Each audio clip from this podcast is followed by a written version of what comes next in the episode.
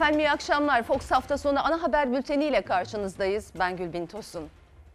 Gözler Cumhurbaşkanı Recep Tayyip Erdoğan'ın 13 Kasım'da yani gelecek hafta Amerika Birleşik Devletleri Başkanı Trump'la yapacağı görüşmede ziyarette ele alınacak sıcak başlıklar arasında öne çıkan Trump'ın gönderdiği mektup olacak. Cumhurbaşkanı Erdoğan Macaristan dönüşü yaptığı açıklamada Trump'ın tehdit dolu mektubunu değil, ekinde yer alan teröristin mektubunu Amerika Başkanı'na takdim edeceğini söyledi. Muhalefet ise Trump'ın hakaret dolu mektubuna da karşılık verilmesini istiyor. CHP lideri Kılıçdaroğlu Atatürk'ü anma programında konuşmasının satır aralarında Erdoğan'a mektup tepkisini sürdürdü. Sözleri sertti. Kimseye muhtaç olmayan, kimseye el avuç açmayan, bu toplumu aşağılayan mektuba tek satır laf edemeyen insanların bu toplumda yerinin olmaması lazım. Ayın 13'ünde bir heyet olarak gideceğiz. Mektubu da tabii ki yanımızda götürüp kendisine de göstereceğiz. Kılıçdaroğlu ABD Başkanı'nın küstah mektubuna iktidar sessiz kalıyor eleştirisini en üst perdeden verirken Cumhurbaşkanı Erdoğan da ABD ziyaretine hazırlanıyor. Mektup tartışmaları arasında en çok merak edilense Erdoğan'ın yanında hangi mektubu götüreceği. Terörist başının mektubunu Trump'a vereceğini söyledi Erdoğan. Muhalefet tepkili. Elimizde malum mektup var. Bu mektubu ben Sayın Trump'a takdim edeceğim. Siz bana bu mektubu bu adamın arabulucu olmasını düşünerek gönderdiniz. Mustafa Kemal'i anlasalardı öyle bir mektuba muhatap olmazlardı. Onlara Mustafa Kemal'i anlatmamız lazım. Şan ve şereften nasibini almayanlar Türkiye'nin şanını ve şerefini koruyamazlar. Kılıçdaroğlu Gaziantep'te Atatürk'ü anlamak konulu bir konuşma yaptı. Satır aralarında iktidara sert eleştirileri vardı. Önceliğinde de Trump'ın gönderdiği saygısız ifadeler barındıran mektubu. Türkiye'ye mektup gönderen bütün devlet başkanları Gazi Mustafa Kemal'i övgüyle ve saygıyla anmışlardır. Ve Mustafa Kemal bu ulusun şanını ve şerefini hayatı pahasına her ortamda korumuştur. Milleti ezdirmemiştir. Kılıçdaroğlu hemen her cümlesinde iktidara gönderme yaptı. Barış Pınar Harekatı'nın başlamasıyla Amerika'dan ve Avrupa'dan gelen yaptırım tehditlerine karşı verdiği mesajlarla da öyle. Bir ülkeyi saygın kılan ekonomidir. Bağımsızlığın yolu ekonomik bağımsızlıktan geçiyor. Tüm bunları bize yaptırmayan bir siyaset kurumu var. Bu yaptırım kararlarından biz hiç çekinmeyiz. Barış Pınarı harekatıyla bu oyunu bozduk. Sözde soykırımla ilgili karar almalarının da sebebi bu. Cumhurbaşkanımız bu konuları zaten doğrudan Başkan Trump'a söylüyor. Washington'da da bu konuları da gündeme getireceğiz. Yaptırım tehditleri, ABD'nin YPG'ye desteği ve mektup Erdoğan'ın Washington ziyaretinde gündemin sıcak başlıklarından olacak ama Cumhurbaşkanı'nın Macaristan dönüşü yaptığı açıklamadan anlaşıldığı üzere görüşmede Trump'ın mektubu değil ek olarak gönderilen Mazlum Kobani Kod adlı teröristin mektubu masaya gelecek. Kendisine de göstereceğiz. Bakın diyeceğiz. Böyle bir mektubu gönderdiniz. Adamın olmadığı yer yok. Sayın Başkan'a mektupla birlikte bu bilgileri takdim edeceğiz. Cumhurbaşkanlığı Sözcüsü İbrahim Kalın'la ABD'nin Suriye özel temsilcisi James Jeffrey de İstanbul'da ABD ziyaretinin gündemini konuştu. Görüşmede ABD ile varılan güvenli bölge anlaşmasında işbirliğinin artırılması üzerinde duruldu. Terörle mücadelede Türkiye'nin kararlılığının vurgulandığı belirtildi. Bizdeki mektup tartışmasını bir kenara bırakırsak Cumhurbaşkanı Erdoğan'ın Amerika'ya yapacağı ziyaret öncesinde Washington'dan skandal açıklamalar peş peşe geldi. Petrol için Suriye'ye döndüğünü itiraf eden Amerika, YPG PKK'lı teröristlere destek vermeye devam edeceklerini açıkladı. Amerika Birleşik Devletleri Dışişleri Bakanı Pompeo, teröristleri desteklemenin Amerika'nın çıkarlarına olduğunu söyledi.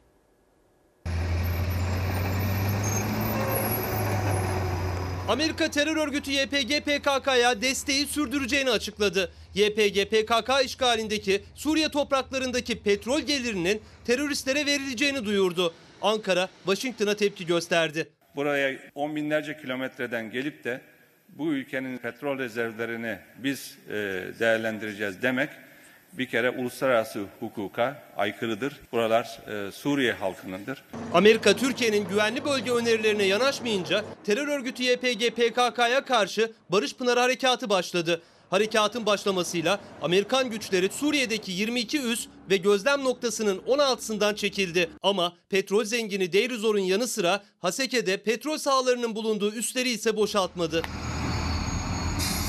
Mehmetçik yüzlerce teröristi etkisiz hale getirip terör yuvalarını imha edince Amerika paniğe kapıldı. Ankara'ya gelen Amerikan heyetiyle teröristlerin 30 kilometre dışına çıkması konusunda mutabakat sağlandı. YPG PKK'lı teröristlerin çekilmesi için Barış Pınarı'na ara verildi. Çekilme kararını verdikleri halde şu anda bölgede böyle bir devriye çalışmasını Amerika'nın bu terör örgütleriyle yapmasını neyle izah edeceğiz? Amerika sözünü tutmazken Pentagon'un baskısıyla Başkan Trump Suriye'de petrol sahalarına dönme kararı aldı. ABD askerleri Rimalan, Rakka ve Aynel Arap'taki 6 üs ve askeri noktaya yeniden yerleşti. Bahane olarak petrolün terör örgütü IŞİD'in eline geçme ihtimali ortaya atıldı. Washington, petrol gelirinin ise terör örgütü YPG'ye aktarılacağını açıkladı. E bir taraftan zaten e, petrolü ben çok severim dediği zaman e ne var orada? Petrolün yanında petrolü beraber üreteceği teröristler var. Bir skandal açıklamada Berlin Duvarı'nın yıkılışının 30. yıl dönümü için Almanya'ya giden ABD Dışişleri Bakanı Pompeo'dan geldi. Pompeo terör örgütüne desteği sürdüreceklerini söyledi. Bunu kendi çıkarları için yaptıklarını itiraf etti. Terörizmle mücadelede başkalarına ders vermek için senin öncelikle terörizme destek vermemen lazım. ABD çok açık net bir şekilde YPG ve PKK terör örgütüne destek vermiştir. Nokta. Amerikalı bakana Rusya ile yakınlaşan Batı müttefiklerinin kendisini kaygılandırıp kaygılandırmadığı da soruldu. Ülke ismi verilmedi ama kastedilen Türkiye'ydi. Pompeo Ankara'yı kızdıracak bir yanıt verdi. Bu beni kaygılandırıyor. İnsanların irrasyonel olması beni her daim kaygılandırır. İrrasyonel insanlar canımı sıkıyor. Mike Pompeo, NATO'nun beyin ölümü gerçekleşti diyen Macron'a da yanıt verdi. Bu çıkışa katılmadığını söyledi. Üyeler sorumluluğunu yerine getirmezse NATO'nun devri kapanabilir dedi. Bülent Arınç'ın KHK ve FETÖ ile ilgili çıkışlarına yönelik tepkiler devam ederken damadı hakkında verilen beraat kararının gerekçesi açıklandı. Mahkeme beraatın gerekçeli kararında FETÖ'ye sempati var ancak örgütsel faaliyetlere katıldığına ilişkin delil yok dedi. Damadı iddia ettikleri bu suçlamaların hiçbirisinin olgu haline gelmediği ve bununla ilgili bir delil bulunamadığı yargı kararıyla sabit oldu. Cumhurbaşkanlığı Yüksek İstişare Kurulu üyesi Bülent Arınç'ın damadı Ekrem Yeter'le ilgili yaptığı açıklamaların yankısı sürerken mahkemede Arınç'ın damadına verilen beraat kararının gerekçesini açıkladı. O kararda sempati var ama örgüt üyesi olduğunu ispat etmeye yeterli delil yok dendi. Masumane bir şekilde şu veya buna sempati duymuş insanları da haklıyla haksızı birbirinden ayıracak bir mekanizmaya ihtiyaç var. Arınç da çok konuşulan KHK faciadır çıkışını yaparken sempati duyanlarla FETÖ'ye doğrudan destek verenler birbirinden ayrılmalı demişti. Arınç'ın damadı hakkında verilen gerekçeli kararda da sempati vurgusu öne çıktı. İlk tepki AK Partili eski milletvekili Mehmet Metiner'den geldi. Zehir zemberek sözlerle. Bu nasıl bir çifte standarttır yahu? Bu mahkeme kararını hangi vicdan kabul eder? Arınç'ın damadı için delil olarak kabul edilmeyenler başkaları için niye kabul edilir diye sormazlar mı? Çok yazık. Sempati düzeyinde bunlarla birlikte olmuş, bunları övmüş, methetmiş. Bunlardan birisi de benim, açık konuşayım. Türkçe olimpiyatlarına gittim, gözyaşı dökmüş bir insanım. Mahkeme Yeter'in FETÖ'nün Beştepe yöneticisiyle 766 kez telefon irtibatının bulunmasını, evinde terör örgütü lideri Fethullah Gülen'in kitaplarının olmasını, FETÖ ile ilişkili dernekte yöneticilik yapmasını örgüte sempati boyutunu aşmadı diyerek suç saymadı. Bankasya'daki hesabına yatırdığı 41 bin liranın ise cüzi bir miktar olduğu belirtildi kararda. Benim damadım da olmasaydı, sıradan bir insan da olsaydı beraat ederdi. Soruyorlar FETÖ metre niye siyaset kurumunda uygulanmıyor? Başka mahallelerde kim yerinde kalamaz bilemem ama uygulanması halinde bizim cenahta Arınçgillerden eser kalmaz bilirim. Arınç'ın KYK ve FETÖ çıkışları ardından damadı hakkında mahkemenin gerekçeli kararı. Hem kamuoyunda hem AK Parti içinde çok ses getirdi. Mehmet Metiner Arınç'ı FETÖ'cülükle suçladı. Cumhurbaşkanına görevden alın imasında bulundu. Arınç'ın sözleri için Erdoğan ve AK Parti'yi bitirme hamlesi dedi. Diyarbakır HDP il binası önündeki evlat nöbeti 68. günü de geride bıraktı. Son ziyaretçileri Meclis İnsan Hakları İnceleme Komisyonu üyeleri oldu. Milletvekilleri ailelere parti ayrımı yapmaksızın yanınızdayız dedi. Çözüm için orada olduklarını söylediler. Senin bu çığlığını bütün dünya duyacak. Dünya duysun, terörün yerin dibine bassın. Bizim terörle bir ilişkimiz yok, biz hiçbir şey bilmiyoruz. Ben istiyorum. Diyarbakır annesi teröre böyle lanet etti. Günlerdir nöbet tuttuğu HDP il binası önünde hasretini, acısını bu kez Ankara'dan gelen milletvekilleriyle paylaştı. Türkiye Büyük Millet Meclisi İnsan Hakları Komisyonu çocukları terör örgütü tarafından kaçırılan ailelere destek için Diyarbakır'daydı. Parti ayrımı yapmaksızın hep birlikte buradayız aslında. Benim bugün canım şimdi bugün siz getirseniz benim için bitmez. Benim için PKK bitsin ya. Benim askerime, benim polisime silah sıkmasınlar ya. Diyarbakır'daki evlat nöbetinde 68. günde geride kaldı. HDP il binası önünde oturma eylemi başlatan ailelerin sayısı 56'ya yükseldi. 68 gün burada. Oğlum istiyor. Hiç gitmiyor. Hatta oğlum buraya geliyor. Sonra git- gitmiş. Yani gitmiyor. 67. günde o gözyaşlı ailelerin Ankara'dan milletvekili ziyaretçileri vardı. Sizin acınız bizim acımızdır. Milletimizin acısıdır. Bak burada Cumhuriyet Halk Partili, AK Partili e, bu komisyonun e, MHP'li ve İyi Partili e, milletvekilleri var. Onların bir kısmının zamanı uygun, bir kısmının zamanı uygun olmadı. Gelemedi ama hem e, MHP'li hem İyi Partili arkadaşlarında biliyoruz ki kalbi burada. Bir oğlumu şehit ettiler, bir oğlumu da daha kaçırdılar. Allah teröre nalet etsin. Çocuklarının daha kaçırılmasından HDP'yi sorumlu tutan aileler yavrularımızı istiyoruz dedi. Meclisin hükümlü ve tutuklu hakları alt komisyonu üyeleri çözüm için orada olduklarını söyledi. Bu e, evlat e, meselesi siyasetin üstündedir. Gündelik politikanın üstündedir. Bana yapılan hareketler biliyor musunuz? Gerekli çalışmalar yapılacak merak etmeyin. Lütfen. Somut bir şeyler bana söyleyin, bize söyleyin. Biz Kürdüz, biz Kürdümüzü inkar etmiyoruz ki. Ben müyeyyenimi askere gönderdim. Daha göndermemişim. Aileler aynı günün akşamındaysa Mevlid Kandili dolayısıyla Hazreti Süleyman Camii ile 27 sahabe türbesine giderek çocukları için dua etti. Gittikçe pahalanan hayat en çok da emeklileri zorluyor. Emeklilerin yaşadığı geçim sıkıntısı tüm Emekliler Derneği'nin genel kurulunda yankılandı bu kez. Tepeden tırnağa her şeye zam gelirken enflasyonun düşmesine tepki gösterdiler. Aylıklarındaki artışın gıda fiyatlarındaki artış kadar olmasını istediler. Bir de sağlıkta ödedikleri katkı paylarının kaldırılmasını. Temel gıda artışı yüzde kırkları bulurken, çarşı pazar her gün artış gösterirken, masa başında tüfe belirlemek, emekli maaşına yüzde beş artış vermek hangi adalete sığar? Her gün markete gidiyorum, markettekilerle kavga ediyorum. Ya diyorum dün buydu fiyat, bugün niye böyle oldu? Peynir. Ya insanın temel ihtiyacı kahvaltıda. Peynir. yemeyecek misin? Büyüme mensupları atıldığı günümüzde maalesef o kalkınmadan bizim çalışanlar ve maalesef siz emekliler faydalanmış değil. 1300 lira maaş alan bir insan yeni emekli olmuş. Bu insan nasıl geçin, geçinecek? efendim nasıl geçiniyorsunuz? Vallahi İki hiç ay. geçinemiyorum ki. Ev sahibi bana 150 lira zam yapıyor. Hadi nasıl geçineceğim ben onunla? Yıllardır kurduğu emeklilik hayaline kavuşalı çok değil bir ay oldu Mehmet Kaya'nın. Ancak umduğunu değil bulduğunu koyuyor sofrasına. Tıpkı iki ay önce emekli olan Sevgi Çakmak gibi. İşte emeklilerin bu geçim isyanı tüm Emekliler Derneği Genel Kurulu'nda da yankılandı. Bugün yüzde seksenimiz açlık sınırının altında maaş alıyoruz. Efendim piyasa yüzde beş olmuş diyorlar 6 ayda. Ama bizim pazarda yüzde yirmiyi bulmuş. Soğan da alamıyorum, patates de alamıyorum. Sadece kuru ekmeğe talim. Geçinemiyoruz ki. Geçinmenin mümkünatı var mı bu ülkede? Kazandığımız olduğu gibi vergiye gidiyor. Yani soframıza doğru düzgün zeytin peynir alıp koyamıyoruz. Şu anda büyük çoğunun hala asgari ücretin altında mı kaldığını biliyor. Bu krizin farkındalığı başta siyasiler tarafından algılanmıştır.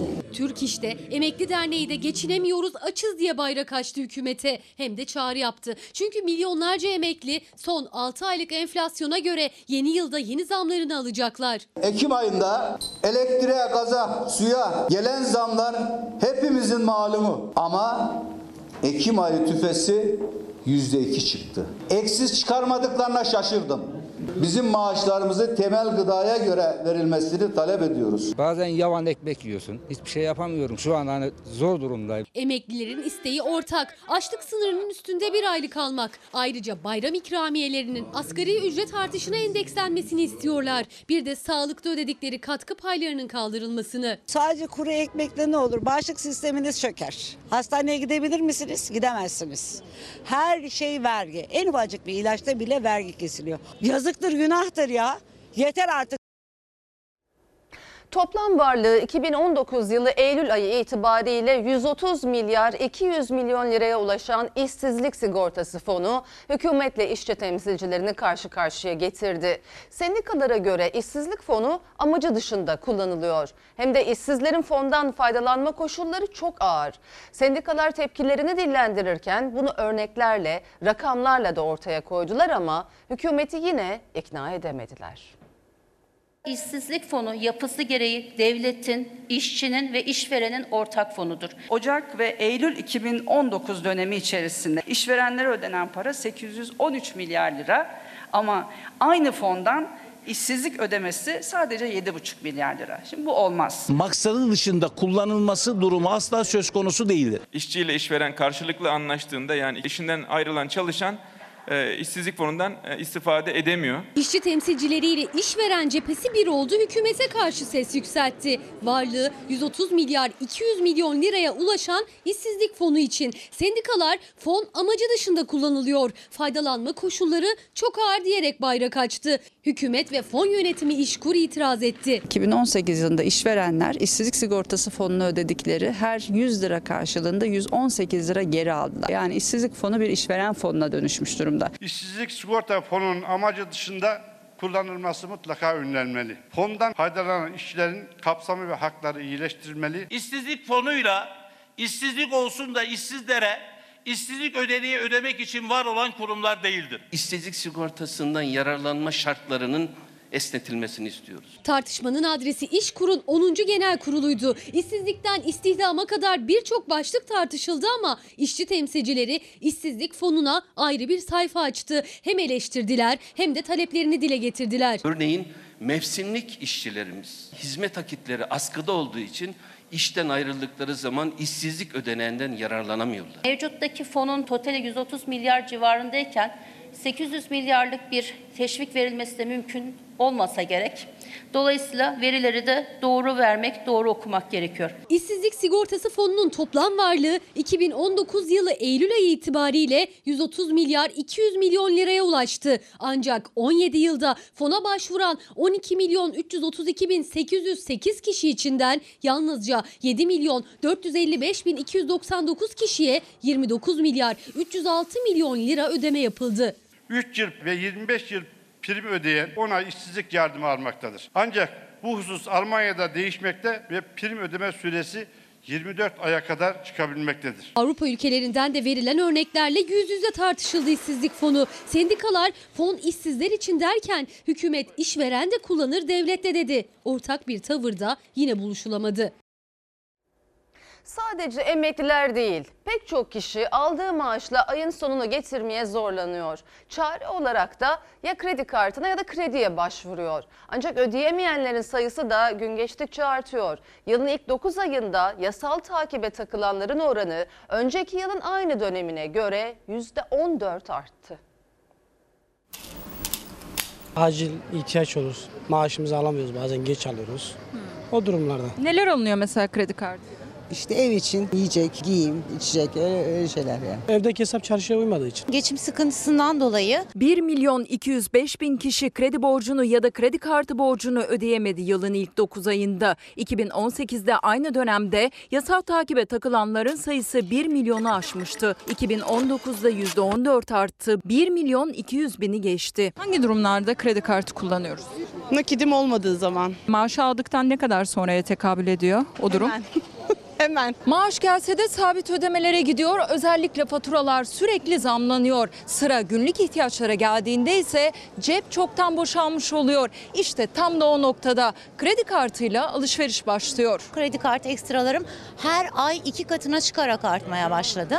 Ee, bu da hesapsız değil bence ekonomik sıkıntı çeken insanların yaşadığı bir durum. Ayın sonunu getiremeyince borcu borçla kapatmaya çalışıyor tüketici. Önce kredi kartı sonra kredi derken o borç katlanıyor. Türkiye Bankalar Birliği'nin raporuna göre Ocak-Eylül döneminde 673 bin kişi kredi kartı borcunu ödeyemedi, yasal işlem başlatıldı. Bireysel kredi borcunu ödeyemeyenlerin sayısı ise önceki yıla göre %24 arttı, 822 bine yükseldi. Kredi kartı olunca biraz daha rahat davranıyorsunuz. O bir gerçek.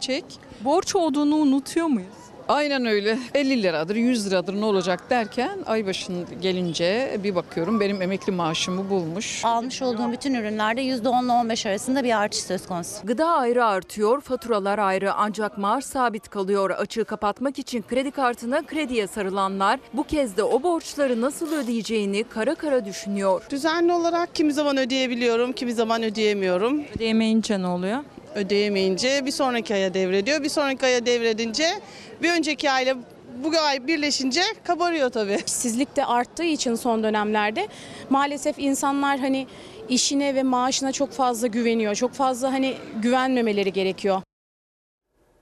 Tarım sektöründe de dertler bitmiyor. İç piyasada istediği ücreti kazanamayan narenciye üreticisinin umudu ihracattaydı. Ama yurt dışına satışta da ürününe çok ucuza alıcı bulabiliyor artık Türkiye. Dolar kurunun yükselmesine rağmen son 5 yılda ihracattan kazanç neredeyse yarı yarıya düştü.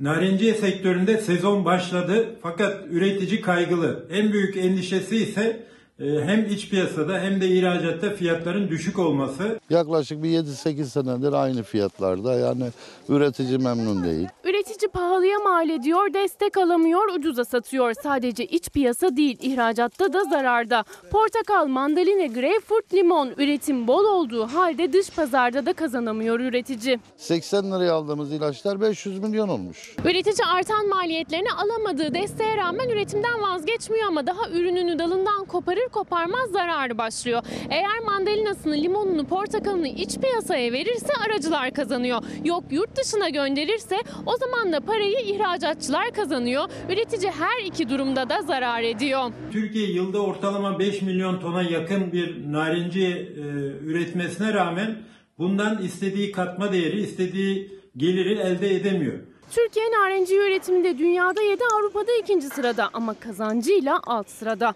5 yıl öncesine kıyasla Türkiye'nin narenciye ihracatı miktarı %47 arttı ama kazancı %11 azaldı. Tüketicide pahalı da olsa üretici ucuza satıyor ama aynı zamanda ihracatta da ucuz gittiği için e, maliyetler çok yüksek. 5 yılda dolar 2 lira 20 kuruştan 5 lira 75 kuruş seviyesine çıktı ama üreticinin kazancı aksine azaldı. Türkiye 5 yıl öncesine göre portakalı ton başına %44, mandalinayı %37, limonu %28 ve greyfurtu %31 daha ucuza ihraç ediyor. Ürünlerdeki fiyatların düşmesinin en büyük sebebi Avrupa'da az yer bulabilmesi. Çünkü son yıllarda narenciyede ortaya çıkan Akdeniz sineği yüzünden birçok ürün geri geliyor. Akdeniz meyve sineğiyle mücadele. Burada biyolojik mü- mücadelenin yapılması gerekiyor. Sorunlar çözülmediği sürece üretici iç piyasada olduğu gibi ihracatta da kaybetmeye devam ediyor. Maliyet gübre olsun, mazot olsun çok yüksek yani.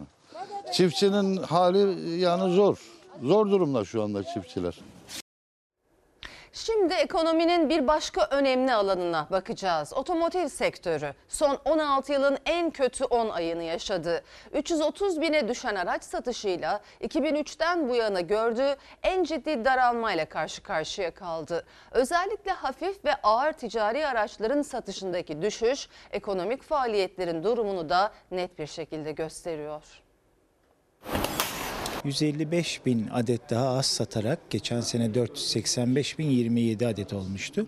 %32'lik bir küçülmeyle 10 ayı kapattık. 10 ayın sonunda karnemizin hepsi zayıf. Üretimde düştü, iç pazarda daraldı. Toplam 10 ayın sonunda 16 yılın en düşük pazarına gidiyoruz. Biraz nefes olsa da tedavi etmedi düşük kredi ve kampanyalar otomotiv sektöründeki daralmayı. Son 16 yılın en kötü 10 ayını geçirdi sektör. 2015'te 727 binleri bulan araç satışı bu yılın ilk 10 ayında 330 bine düştü. Uzmanlar ciddi adım atılmazsa yeni yıl içinde pek umutlu değil. 2020 yılından bizim açıkçası beklentimiz çok daha fiyatların artacağı yönünde. Motor taşıtlar vergisine biliyorsunuz %22,5, %23'lük bir zam geliyor. E hurda teşviği bittiği için araç fiyatları en az bir 10 bin 15 bin lira artacak. Ekonominin lokomotiv sektörlerinden otomotiv ancak eski günlerinden çok uzakta. ÖTV indiriminin sona ermesi ve alım gücündeki düşüş doğrudan otomobil satışlarını etkiledi. 2019'un ilk 10 ayında üretim %8, ihracatsa %6 düştü. Toplam pazarsa %32 daraldı. Bu tablo 2003'ten bu yana en kötüsü. İşte hem otomotiv sektörünü hem de ekonominin genel gidişatını gösteren en önemli rakamlardan biri. Hem hafif hem de ağır ticari araçların üretiminde ve satışında ciddi azalmalar var. Hafif ticari araçların satışında son 10 ayda %42, ağır ticari araçların satışındaysa %46'lık bir azalma söz konusu. Kobilerde bu sektörün kötü olmasından dolayı nakit akışı yeterince gelmediği için insanlara araçlarını yenileyemiyorlar. Bu net bir şekilde inşaat sektörünün, sanayinin daha az çalıştığını veya alım yapmadığını, e, yürümediğini, çarkların dönmediğini çok net gösteriyor. Faizlerin inmesi firmaların kampanyaları satışları az da olsa canlandırdı ama otomotiv sektörü 2 yıl önceki 1 milyon satış hacminden çok uzakta. Bu yıl en fazla 450 bin adet otomobil satılması bekleniyor. Otomotiv yazarı Emre Özpeynirci'ye göre hükümetin bir an önce sektörle görüşüp adım atması gerekiyor. Yeni yılında kayıp yıl olmaması için. Bir çalıştay mı kurulur? Bütün otomotivin paydaşlarının hükümetle bir araya gelip ne yapılacağına ilişkin yani artık vergi sisteminin içinden çıkılamaz halde dünya ile uyumlu emisyona göre Eğitimde özel sektörün payı giderek artıyor. Cumhurbaşkanı e, 2020 yılı programıyla özel okullara yönelik teşviklerin artırılması planlanıyor. Oysa eğitim uzmanları devlet okullarının ihtiyaçlarına öncelik verilmesini öneriyor. Ben parayla alınan diploma istemiyorum. 2011-2012 yıllarındaki rakamlara varsak, bakarsak özel okullarda %110'a 120'ye varan artışlar var. Eğitim e, ciddi bir şekilde özelleştirildi zaten. Eğitimin özelleştirilmesine yönelik adımlara bir yenisi daha eklendi. Cumhurbaşkanlığının 2020 yılı programında özel sektörün okul açmasına yönelik teşvikler artırıldı. Velilere verilen özel okul teşviki ise daha önce kaldırılmıştı. Özel okulların sayısı biraz daha artarken çocuğunu özele göndermek isteyenlerin imkanları ise daraldı. Paralısı olanın eğitim gördüğü ve devletin bunu teşvik ettiği bir sistemle karşı karşıyayız. Bir yandan özel okullara verilen teşvikler artırılırken diğer yandan devlet okulları eksikliklerle mücadele etmeye çalışıyor. Devlet okullarına verilen ödenekler yetersiz kalınca idareciler velilerden toplanan paralarla bu eksiklikleri gidermeye çalışıyor. Velilerden toplanan paralarla bu e, hizmetlilerin parası karşılanıyor, temizlik malzemeleri karşılanıyor. 20 lira, 10 lira ufak ufak topluyorlar her seferinde. 10 lira verdik badana yapılacak. İki gündür çocuğum sınav olacak olamıyor. Kağıt olmadığı için mi olamıyor? Evet kağıt olmadığı için sınav olamıyor. Özel sektörün eğitimdeki payı yıldan yıla artarken devletin kendi okullarına verdiği destek de azalıyor. Rakamlar bunun kanıtı. 2018 yılında bütçeden eğitim yatırımlarına ayrılan pay %8,36'dan 2019 yılında %4,88'e çekildi. Yani bir yılda yarı yarıya azaldı. Parası olanın eğitime eriştiği, parası olmayanın da niteliksiz diyebileceğimiz ya da erişemediği bir sistemle karşı karşıya geleceğiz. Bu uçurum daha da artacak. Türkiye'deki PISA sonuçlarını da olumsuz etkileyecektir. Gelecek sene liselerde ikili eğitime geçmeyen lise kalmayacak gibi. Ek sınıflar bile açılamıyor üstün zekalı öğrenciler için. Devlet desteği olmayınca idareciler çaresiz kalıyor. Arada kalansa öğretmenler oluyor. Veliler devlet okulunda para vermekten, eğitimcilerse tahsildarlık yapmaktan belki de asıl yoğunlaşmaları gereken eğitime yoğunlaşamıyor. Okullar açıldığından beri hep para veriyoruz. Ne için? Okul ihtiyacı, sınıf ihtiyacı diye. Para isteyen öğretmen olmak istemiyoruz. Bize yeterli bütçe göndersinler, nitelikli eğitim vermeye devam edelim. Milli Eğitim Bakanlığı ise bütün bunları doğrular nitelikte bir açıklama yaptı. 70 bine yakın okulda 21 bin 225 hizmetli olduğunu söyledi. Bu durumda her 3 okula bir hizmetli düşüyor. İstanbul Beşiktaş'ta özel halk otobüsünün yayaların arasına daldığı kazada bir kişi yaşamını yitirdi. 14 kişi yaralandı. Şoför tutuklandı ama olay unutulmadı. İşte o korkunç kazanın güvenlik kamerası görüntüleri de ortaya çıktı.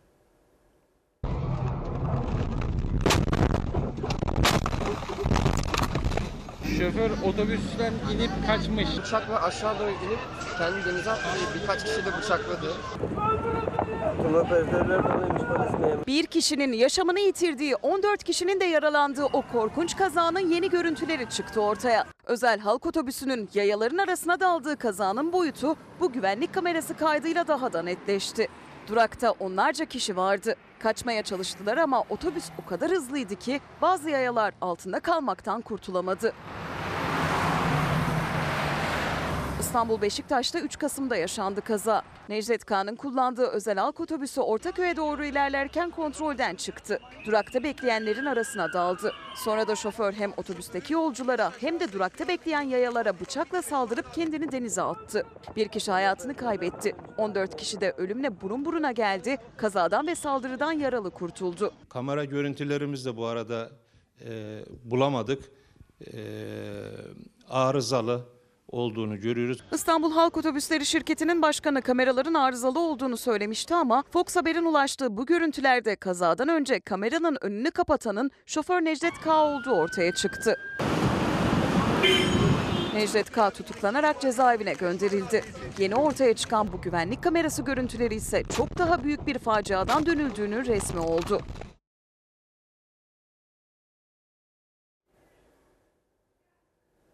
Ekonomik Kalkınma ve İşbirliği Örgütü'nün raporuna göre Türkiye doktor ve hemşire sayısıyla 36 OECD ülkesi arasında sonuncu. Bin kişiye iki doktor bile düşmüyor Türkiye'de.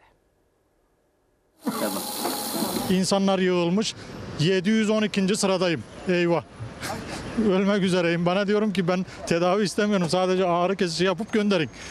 Hayır sıranı bekle. Norveç'teki 8 hemşirenin yapmış olduğu bir iş yükü Türkiye'de bir hemşirenin üzerinde yüklenmektedir. Zaten hastalar biliyordu ama Ekonomik İşbirliği ve Kalkınma Örgütü OECD'nin raporuyla da belgelendi. Türkiye her bin kişiye düşen 1,9 doktor ve 2,1 hemşire sayısıyla 36 ülke arasında sonuncu.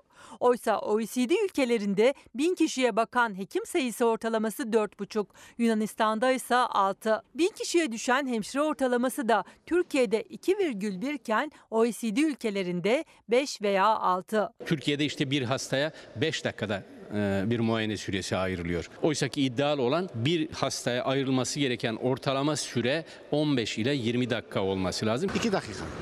Yetiyor mu? Ya hangisi yetecek? Ne kullanacağım, ne gideceğimi bilmiyorum ki. İyileşebiliyor musunuz? İmkansız. Bu şekilde yani paran varsa yaşa yoksa yaşama. Sadece doktor ve hemşire sayısıyla değil, sağlık harcamalarıyla daha çok gerilerdeyiz. Kişi başına düşen 1227 dolarlık sağlık harcamasıyla Türkiye yine 36 ülke arasında en son sırada. Amerika Birleşik Devletleri'nde bu rakam 10.586 dolar. En az sağlık harcaması %4,2'lik oranla Türkiye'de yapılıyor. Yine Amerika'nın sağlık harcaması ise milli gelirin yaklaşık %17'sine ulaşıyor. Bir müşteri olarak değerlendirilen hastayı en kısa sürede nasıl hastane dışına çıkarabiliriz ve buradan nasıl bir ekonomik kazanç elde ederiz? Bu zihniyette bir sağlık politikası yürütüyoruz. Eşim dün iş kazası geçirmiş. Yaralandı, boğazından kesilmiş, kolundan kesilmiş. İlgilenen yok. Bu kadar yetersizlik, bu kadar ilgisizlik. Yani pes yani. İşin niteliği açısına baktığınız zaman o nitelikteki sağlık hizmetini bu sayıdaki personellerle, çalışanlarla veremezsiniz. Doktor az, sağlık personeli yetersiz Türk Tabipler Birliği'ne göre yıllar içinde artan nüfusa yetmiyor. Hastane önündeki kuyrukların yerini ise artık telefon başında bir türlü alınamayan randevular alıyor. Bir ay, iki ay, üç ay öyle veriyorlar. Telefon başında hem paramızdan hem kesemizden gidiyor işte. Bir ameliyat günü beklersen mesela ben 7 ay bekledim. Bir tane ultrasonu 5 ay bekledim düşünün yani. Ben bir yıldır hematolojiye randevu alamıyorum. Binalar çok güzel ama. Bina yetiyor mu? Ee, yetenlere yetiyor. Bana yetmiyor bina. Binayı ne yapacağız? Almanya Türk Dostluk Federasyonu İstanbul Büyükşehir Belediye Başkanı Ekrem İmamoğlu'nu onur ödülüne layık gördü. İmamoğlu ödül töreninin yanı sıra Berlin Duvarı'nın yıkılışının 30. yılı için düzenlenen törenlere de katıldı. İki gün sonra minnetle anacağımız Atatürk'e de bağlılığını her zaman dile getiren, ona da minnet duygularını her zaman dile getiren birisi olarak aynı enerjiyi dünyaya hissettirmek ve dünya insanı olabilme becerisini ortaya koymanın dünya içinde çok değerli olduğunu her zaman her yerde söyledim. Berlin'de 10 Kasım vurgusu alkış aldı Ekrem İmamoğlu'nun Almanya Türk Dostluk Federasyonu tarafından düzenlenen Kibele Dostluk Ödülleri töreninde onur ödülüne layık görüldü. İmamoğlu anlamlı ödülünü Almanya'nın eski Cumhurbaşkanı Christian Wolff'tan aldı. 1961'de gelip para kazandıkları iki büyük amcamın para kazandıkları ve burada elde ettikleri deneyimle, tecrübeyle, sermayeyle iş hayatına atılmanın verdiği minnet duygusuyla Alman Türk dostluğuna hayatım boyunca hizmet edeceğimi buradan duyurmak istiyorum.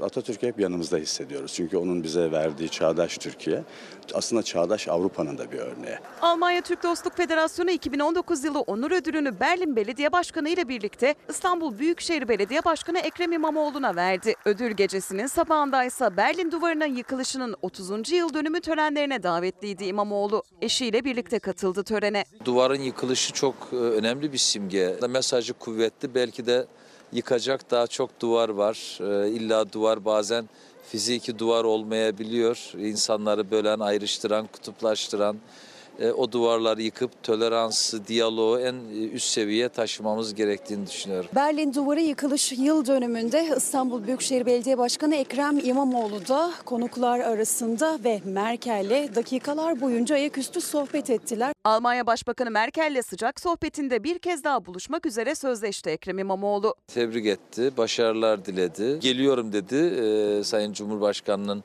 e, misafir olarak oluyorum dedi. E, ben de İstanbul'da olduğunuz zaman takip edeceğim ve sizi mutlak ziyaret etmek istiyorum dedim kendilerine. Karadeniz'de hamsi bereketi yaşanıyor ama o bereket İstanbul'da tezgahlara yansımıyor. Yerinde 7 liraya satılan hamsinin etiketi İstanbul'da 30 lira. Karadeniz hamsi geldi Karadeniz abici. Bu sene Akçakoca'da balık, hamsi balığı çok bereketli oldu. Herkes doyuyor, ucuz. Karadeniz bereketlendi 30 ton hamsi verdi. Fiyatı da 20 liradan 7 liraya düştü orada ama İstanbul'da durum tam tersi. Kilosu sezon başında 20 lira olan hamsi 30 liraya çıktı. Vatandaş sofrasına balık koyamıyor. Dün 20 lira olan balık bugün 30 liraya çıktı. Karadeniz soğumaya başlayınca balıkçıların ağları doldu taştı. Sinoplu balıkçılar tezgahlarına çeşit çeşit balık dizdi, çiçeklerle de süsledi. Hamsinin kilosuna 10 lira fiyat biçti. Düzce Akçakoca'da ise 10 liranın altına da indi hamsi. Akçakoca'da 7 liraya kadar düştü. İstanbul'da 20 lira, Akçakoca'da... Olmasının sebebi nakliye, köprüsüydü, şu suydu, bu suydu. Karadeniz'den buraya gelene kadar 4 tane el değişiyor balık. Karadenizli balıkçı İstanbul'da hamsinin fiyatının bir türlü düşmemesinin sebebini böyle açıkladı. İstanbul'daki fiyatlar için tahmini 20 liraydı ama etikette yazan daha fazla. Hamsinin kilosu İstanbul'da 30 lira. Karadeniz'de balıkhaneye getirdikleri zaman kanzumana balığı bırakıyorlar. Kanzumandan buradaki toptan yerine geliyor. Balık haline orada kanzuman balığı teslim alıyor. Oradan madrabaza teslim ediyor. Oradan da esnaf alıyor. Hatta 4 değil 5 tane el değişiyor. 1,5 kilo alsanız 45 lira yapar. Yani bunu e, haftada 3 kez falan mümkün değil asgari ücretli. Hamsi denizden 5 liraya çıkıyor, tezgaha 7 liraya geliyor ama Karadeniz'de. Sonra İstanbul'a yolculuk başlıyor. Elden ele, elden ele köprü, otoyol, mazot nakliye derken İstanbullular hamsiyi 30 liraya yiyor. 30 lira hamsi. E, televizyonda 5 lira diye gösteriyorlar. Karadeniz'de. İstanbul'da 30 lira. O zaman alamayız. 10-15'ten fazla olmaması lazım. Hamsinin kilosu dün 20 liraydı. 20 TL'ydi. Bugün 30'a çıktı. Dünden bugüne ne değişti? Karadeniz'de mi, burada mı, toptan yerlerinde ne döndüğü belli değil. Karadeniz bol bol sunuyor hamsiyi. Karadeniz bölgesinde fiyatları da düşürüyor. Ancak İstanbul'a gelene kadar aracılarla artan maliyetlerle yükseliyor fiyatı. Üstelik yalnız da değil 25 liranın altında balık yok. Hamsinin kilosu 30 milyon. İstavrit'in kilosu 35. Mezgidin zamanı şu an kilosu 40 lira. Çinekop 50 lira. Deniz levreği, deniz çuprası 60 lira, havuzlar 25 lira. Balık pahalı olduğu için açık konuşmak lazım. Vatandaş salatayı ve ekmeği çoğalttı. 3-5 tane balık yiyen bir tane balıkla tadımlığına kalkıyor sofradan yani. Sosyal medyada en çok konuşulan konulardan birinin kahramanı bir kedi oldu. Bakın o kedi bir bebeği nasıl kazadan kurtardı? Açık kapıya doğru emekleyen bebeği merdivenlerden düşmekten evin kedisi kurtardı, kahraman ilan edildi. Görüntü Kolombiya'dan. 12 aylık Samuel evde yalnızdı. Odada bebeğin dışında bir tek ailenin siyam cinsi kedisi vardı. Bebek açık kapıya yöneldi. Emekleyerek merdivenlere yaklaştı. Bebeği izleyen kedi yerinden fırladı. Son anda merdivenlerden yuvarlanmasına engel oldu. Ülkede kahraman ilan edilen kedinin yaptığı sosyal medyanın da en çok konuştuğu konulardan biri oldu. İstanbul'da her hafta sonu Anadolu'dan esintiler oluyor. Bu kez sıra Giresun'daydı. Birbirinden lezzetli yiyecekleriyle İstanbul'da Giresun rüzgarı esti. Hem memleketini özleyenler hem de Karadeniz'in eşsiz tatlarından vazgeçemeyenler Yeni Kapı'daydı.